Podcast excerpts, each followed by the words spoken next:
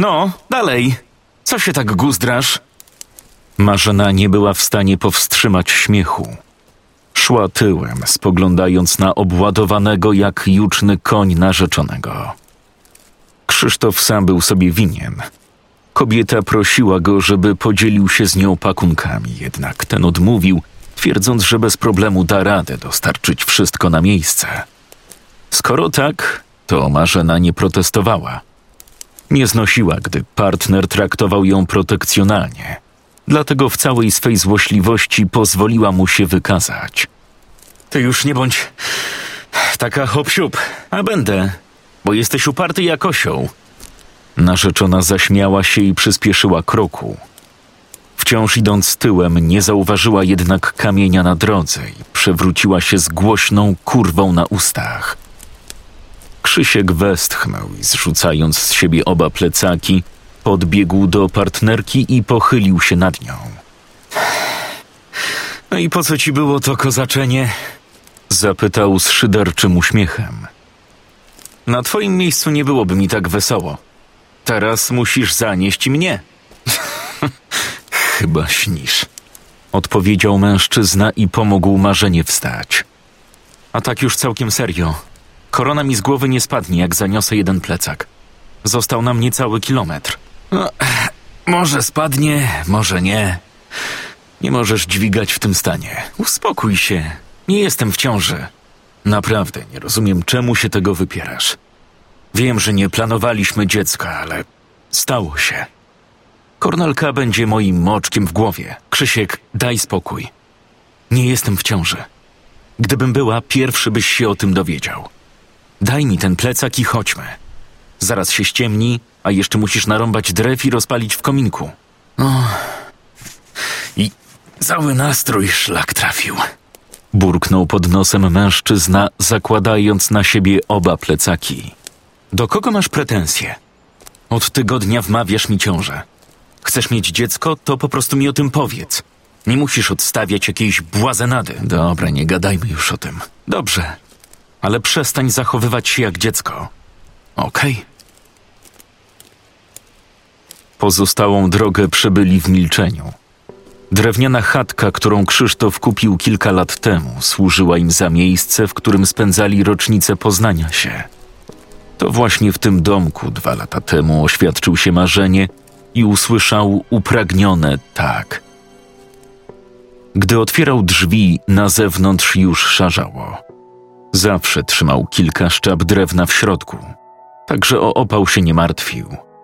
Bardziej frapowało go zachowanie narzeczonej. Już od jakiegoś czasu dawał jej jasne znaki, że chciałby mieć dziecko. Za każdym razem zderzał się jednak z murem niepewności i wymówek.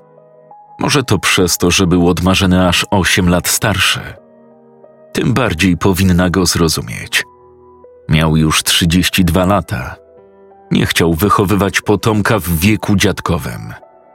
Z drugiej strony, nie powinien był zmuszać swojej partnerki do czegoś, na co nie ma ochoty. Gdy rozpalał w kominku, Marzena złapała go za ramię i zapytała: Hej, chyba powinniśmy pogadać. Przepraszam, że tam na drodze tak się uniosłam. Po prostu mam oczy i widzę, jak bardzo chciałbyś już dziecko, ale no, z jakichś powodów nie chcesz powiedzieć mi o tym wprost.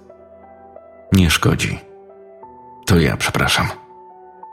Masz rację. Jestem bardzo infantylny. Chyba już mnie dopada to starcze zrzędzenie.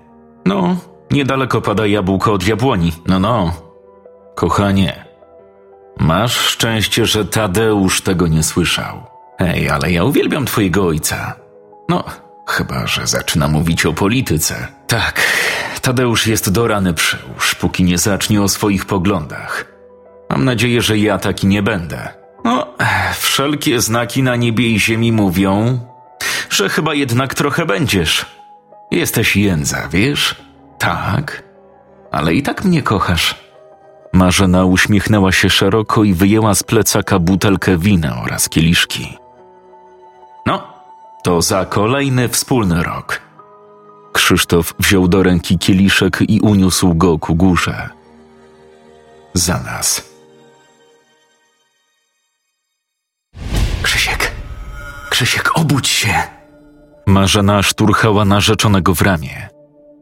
Co jest? Wydaje mi się, że na zewnątrz coś jest. Mm, Daj spokój, kochanie. Pewnie lisy albo jelenie biegają dookoła. Co roku tu przyjeżdżamy i do tej pory nic nas nie zjadło. Idź spać. Krzysztof nie zdążył zamknąć oczu, gdy usłyszał głośny trzask i coś jakby stukot kopyt. Tego też nie słyszałeś? To na pewno jeleń. Przypominam ci, że jesteśmy w środku lasu. Jeleń sreleń. Wyjdź tam i sprawdź. No, na pewno. Pierwsza zasada horrorów. Nigdy nie idź w stronę tajemniczego dźwięku. Przestań! Marzena wymierzyła mu kuksańca w ramię. Już wystarczająco się boję. Ty pewnie też dlatego nie chcesz zrobić o co prosiłam. Nie chcę nigdzie iść, bo mi tu dobrze. Ciepła kołdra, piękna kobieta obok, no i oczywiście spanko. Kolejny trzask zdawał się być głośniejszy od poprzedniego. Krzysiek do jasnej cholery. Wstań i przegoń tego jelenia, bo inaczej nie zasnę. A jak ma wściekliznę i mnie ugryzie? Co wtedy? Nie mamy tutaj zasięgu. Na plecach zaniesiesz mnie do samochodu? Zaciągnę cię za nogę. Krzysiu, no proszę. Kobiety. No dobra. Krzysztof podniósł się z łóżka i odnalazł zmysłem dotyku wiszący na krześle szlafrok. Owinął się nim. Założył klapki i chwycił zależący na stoliku obok telefon. 35% baterii. Plus jest taki, że na pewno wystarczy. Otworzył drzwi i rozświetlił najbliższe otoczenie latarką ze smartfona. No i co? Widzisz coś? Zapytała owinięta kołdrą Marzena. Tak. Leszy z biesem urządzili sobie zapasy przed domem. Chcesz zobaczyć? No bardzo zabawne. Wracaj już, skoro nic tam nie ma. Straszny ziąb na dworze. Mhm. A za chwilę znów coś usłyszysz i ledwo zasnę, a będę musiał kolejny raz wychodzić. Nie. Wejdę kawałek w las i spłoszę te jelenie. Tylko mi na siebie uważaj. Zawsze. Krzysztof, wzdychając, wyszedł na zewnątrz i zamknął za sobą drzwi. Mężczyzna nie należał do strachliwych, ale po jego ciele przeszedł dreszcz. Atmosfera wydawała się naprawdę gęsta, a wszechobecna cisza tylko potęgowała ogromny już niepokój. Las zawsze tętnił życiem. Absolutna pustka nie jest zatem niczym naturalnym. Hej! Jest tam kto? Spaduwa, rogaczu! Chcę znowu iść spać! A siomnie stąd!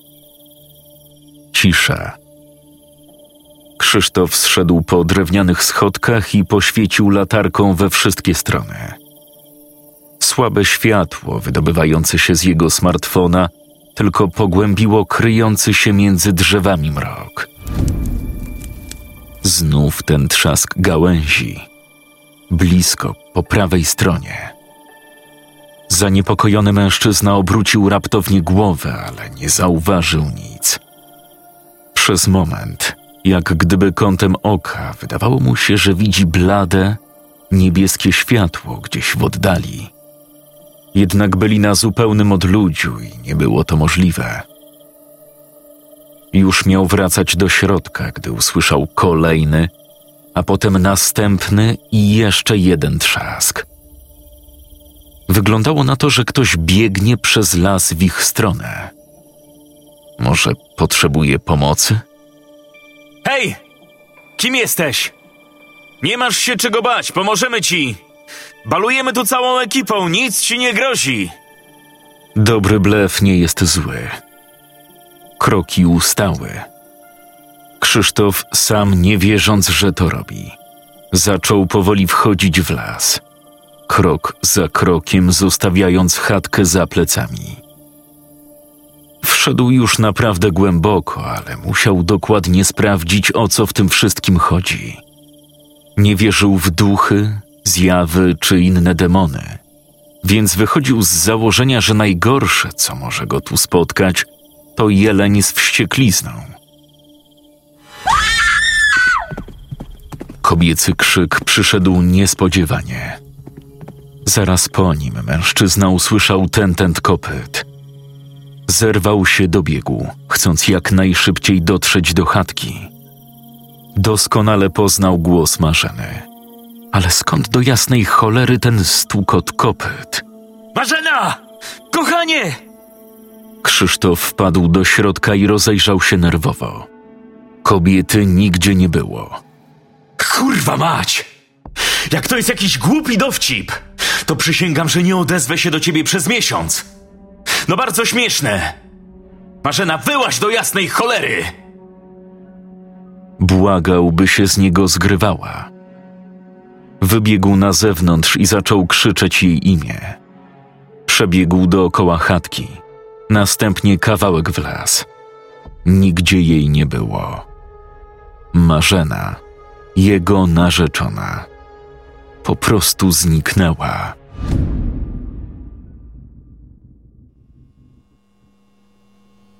Tłumaczyłem już. Byliśmy w mojej chatce w lesie. Zresztą doskonale wiecie gdzie, bo udostępniam wam ją co roku na dzień policji. Marzena obudziła mnie, bo usłyszała trzask gałęzi. Wyszedłem sprawdzić, co to. Wszedłem kawałek w las i usłyszałem jej krzyk. Pewnie wyszła za mną. Pobiegłem ile sił, ale już jej tam nie było. No i słyszałem konia. Krzysztof był zmęczony. Nim doszedł do zaparkowanego pod lasem samochodu, minęła prawie godzina. Nie odważył się w nocy biec. Nie zabrał też z chatki żadnych rzeczy, które ze sobą przynieśli. Po prostu ubrał się i wyszedł, chcąc jak najszybciej zgłosić sprawę na policję. Na komisariacie siedział już trzecią godzinę, co rusz odpowiadając na powtarzające się durne pytania. Koń? W naszym lesie? A może to był szarmancki łoś pederasta? Bawicie to kurwa? Krzysiek, uspokój się. Próbuję cię jakoś rozluźnić. Gdybym chciał klauna, poszedłbym do cyrku. Ogarnij się kurwa i zrób coś. Tu chodzi o moją kobietę, rozumiesz? Marek, do kurwy nędzy znamy się od podstawówki. Marzenę ktoś porwał. Pomóż mi. Nie wiem, zamknijcie ten las, przeszukajcie od góry do dołu, znajdźcie ją, kurwa! A co ja mogę? Gówno mogę. Skrzykniemy trochę chłopa i zaczniemy szukać. Nic więcej nie mogę ci obiecać. Marek, ktoś ją porwał i trzyma w tym lesie. Bóg jeden wie, co jej robi. Musimy ją znaleźć. Zrobimy wszystko, co w naszej mocy. Obiecuję. Powinien pan się przespać, powiedział młody chłopak, podając Krzyśkowi kubek z kawą. Dzięki, ale nie zasnę, póki Marzena się nie znajdzie.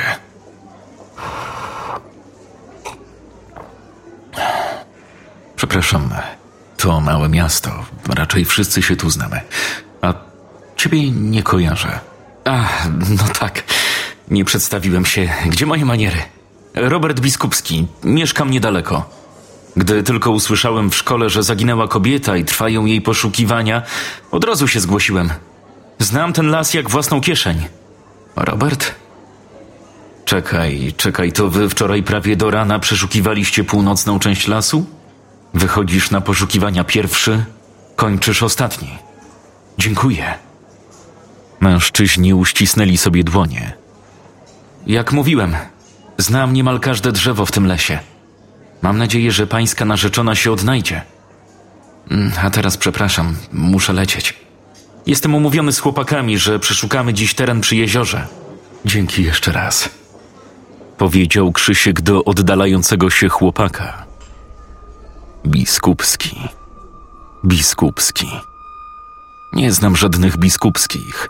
pomyślał mężczyzna, biorąc kolejny łyk kawy. Dopiero teraz zauważył, że obok niego leżała otwarta koperta. Pewnie musiała wypaść temu Robertowi.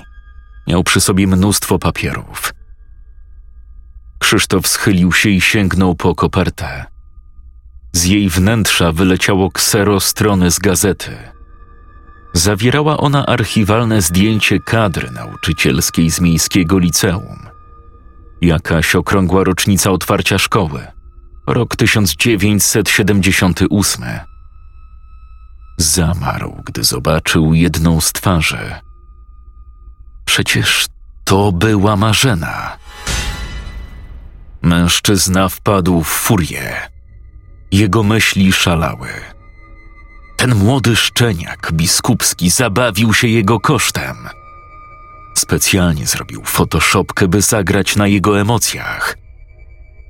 Zanim jednak postanowił ruszyć za chłopakiem i wyjaśnić sobie z nim to i owo, przejrzał dokładnie zawartość koperty. Kartka z nabazgranym niezdarnie napisem Słowackiego 15. Krzysztof doskonale wiedział, że pod tym adresem znajduje się dom spokojnej starości. Przez chwilę walczył z myślami, decydując ostatecznie, że pojedzie i sprawdzi trop. Jeżeli to podły żart szczeniaka, wie gdzie go szukać. Dziesięć minut później zaparkował samochód przy Słowackiego. Trzypiętrowy budynek wyglądał raczej jak post-PRL-owski szpital, aniżeli dom spokojnej starości. Mężczyzna wyjął z kieszeni kurtki zdjęcie, które również znajdowało się w kopercie. Przedstawiało ono starszą kobietę o smutnych, bladych oczach i poszarzałej cerze. Pomimo upływu lat, Krzysztof widział w twarzy tej kobiety marzenę. Stając przed drzwiami pokoju 303, nie wiedział, czego ma się spodziewać. Ręce drżały mu, a zimny pot zalewał skronie i szyję. Odetchnął głęboko i zapukał. Gdy usłyszał ciche proszę, nacisnął klamkę i wszedł do środka. Jego oczom ukazał się skromny pokoik z łóżkiem, stolikiem kawowym dwoma krzesłami i antyczną już niemal meblościanką. Na jednym z krzeseł siedziała staruszka i uśmiechała się szeroko. Wiedziałam, że w końcu mnie odnajdziesz. Kim pani jest? Co to. Co to wszystko ma znaczyć? Podświadomie musisz to wiedzieć. To jakiś żart? Ten młody biskupski. On pani zapłacił, prawda? Dlaczego? Co ja komu zrobiłem, że teraz robicie sobie ze mnie jaja?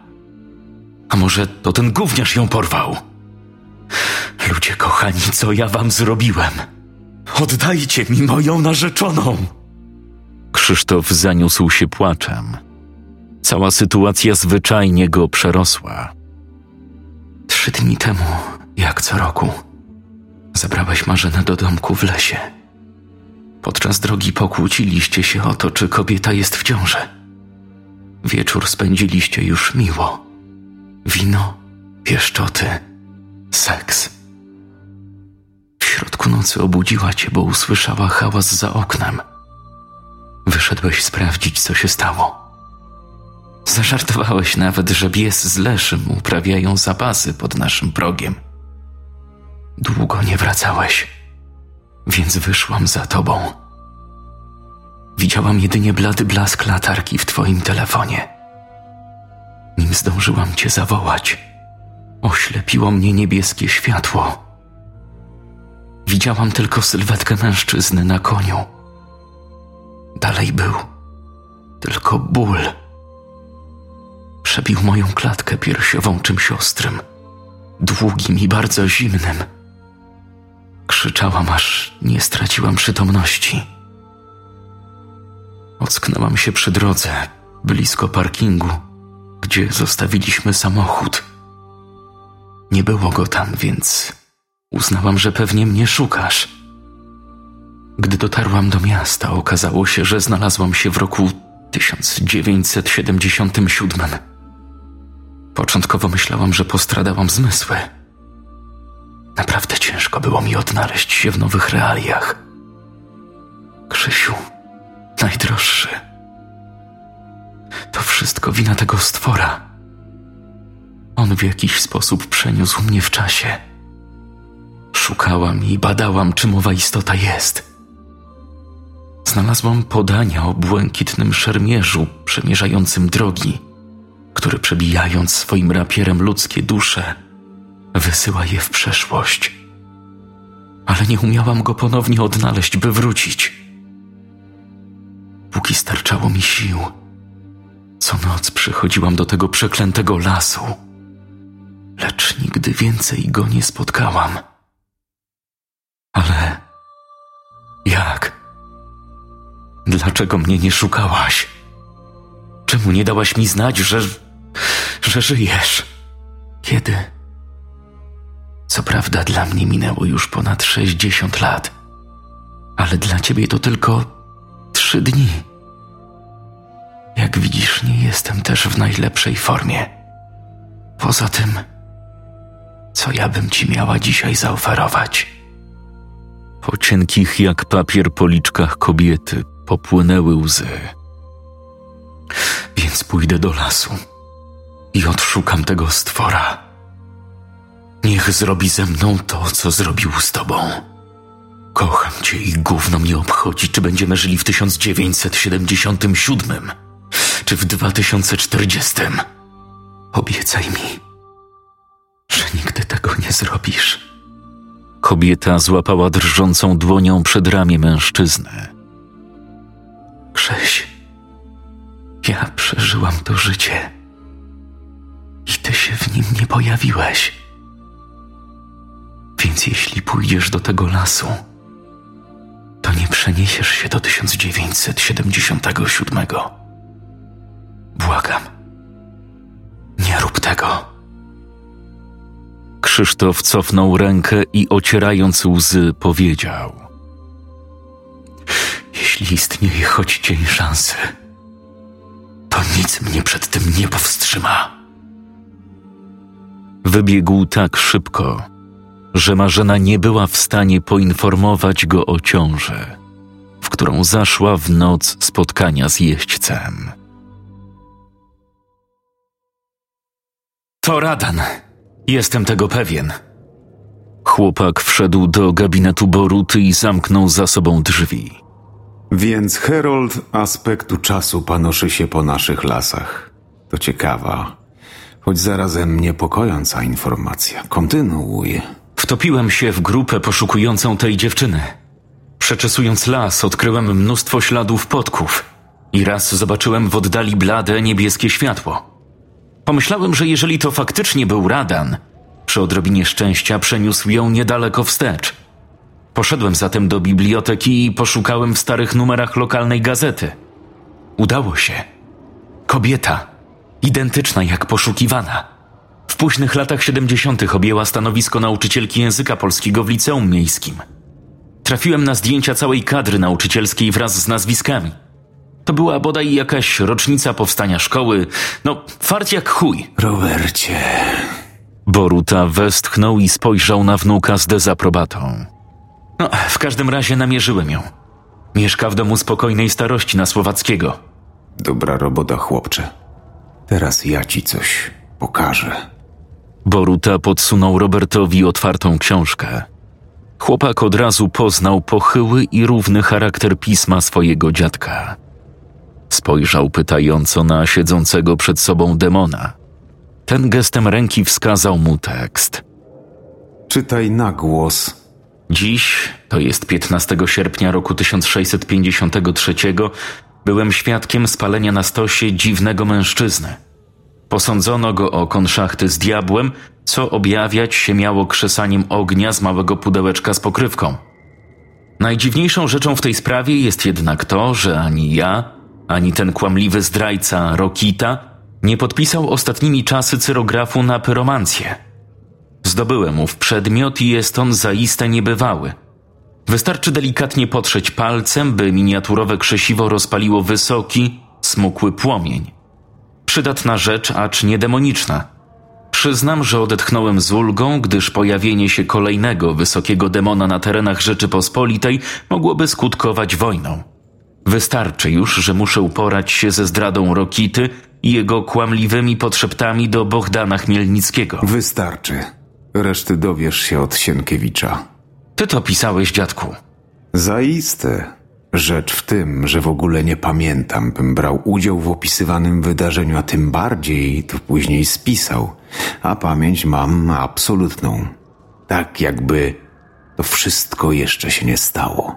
Tak działa Radan. Przebija cię swoim rapierem i lądujesz w losowym miejscu w przeszłości. Dlatego też jest uważany za jednego z najbardziej brutalnych heroldów. Nie zabija, ale zabiera całe dotychczasowe życie i wrzuca je w nieznane realia. Otóż to. Jak myślisz, Robercie, kto jest na tyle potężny, by przyzwać Herolda czasu, a jednocześnie tak bardzo chce nam zaszkodzić, by to zrobić? Pewnie ten niemiaszek Krampus. Da się to zabić Metraksem?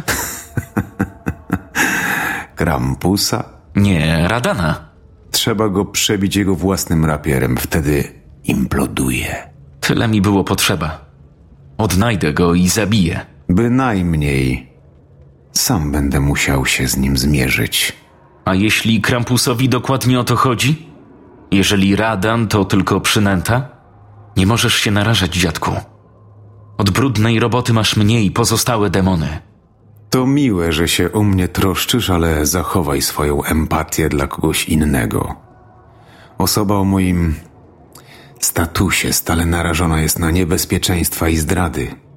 Jeżeli nie jestem w stanie odegnać Radana, nie jestem też w stanie dalej rządzić.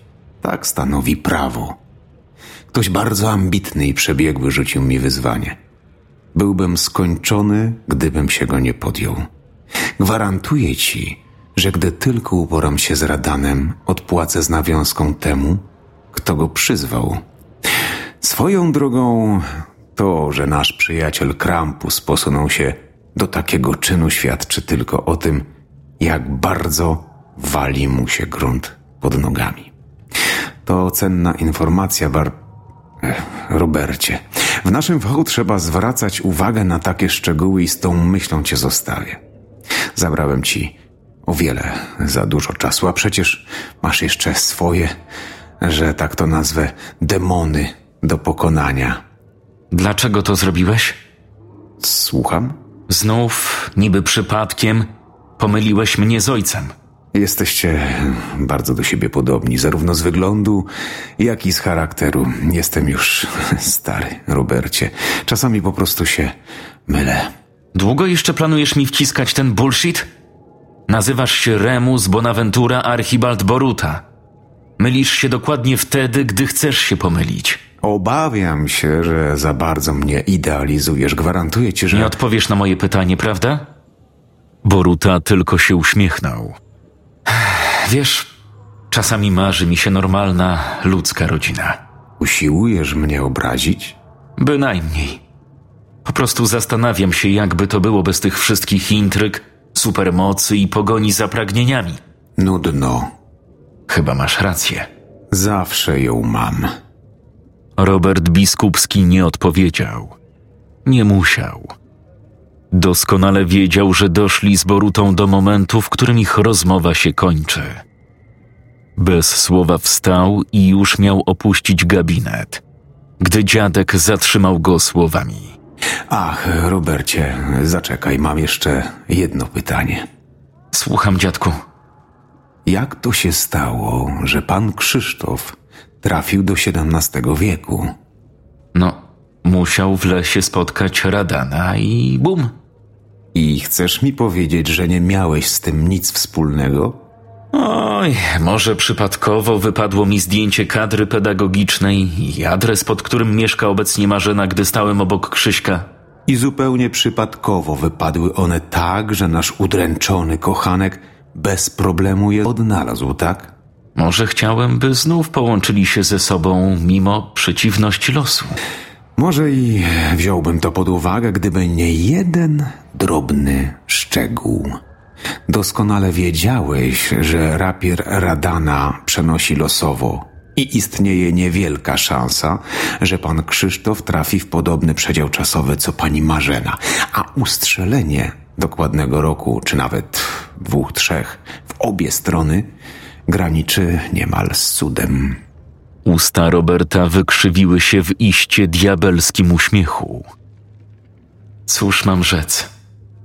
Jestem synem Bartosza Biskupskiego, wychowanym przez Remusa Borutę. Spodziewałeś się po mnie czegokolwiek innego? Dobrze się spisałeś, chłopcze. Jestem z ciebie dumny. Wiem. Jeszcze nie raz będziesz. Oby.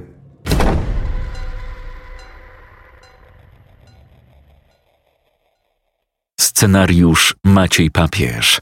Czytali Wojciech Dudkowski i Jakub Rudka.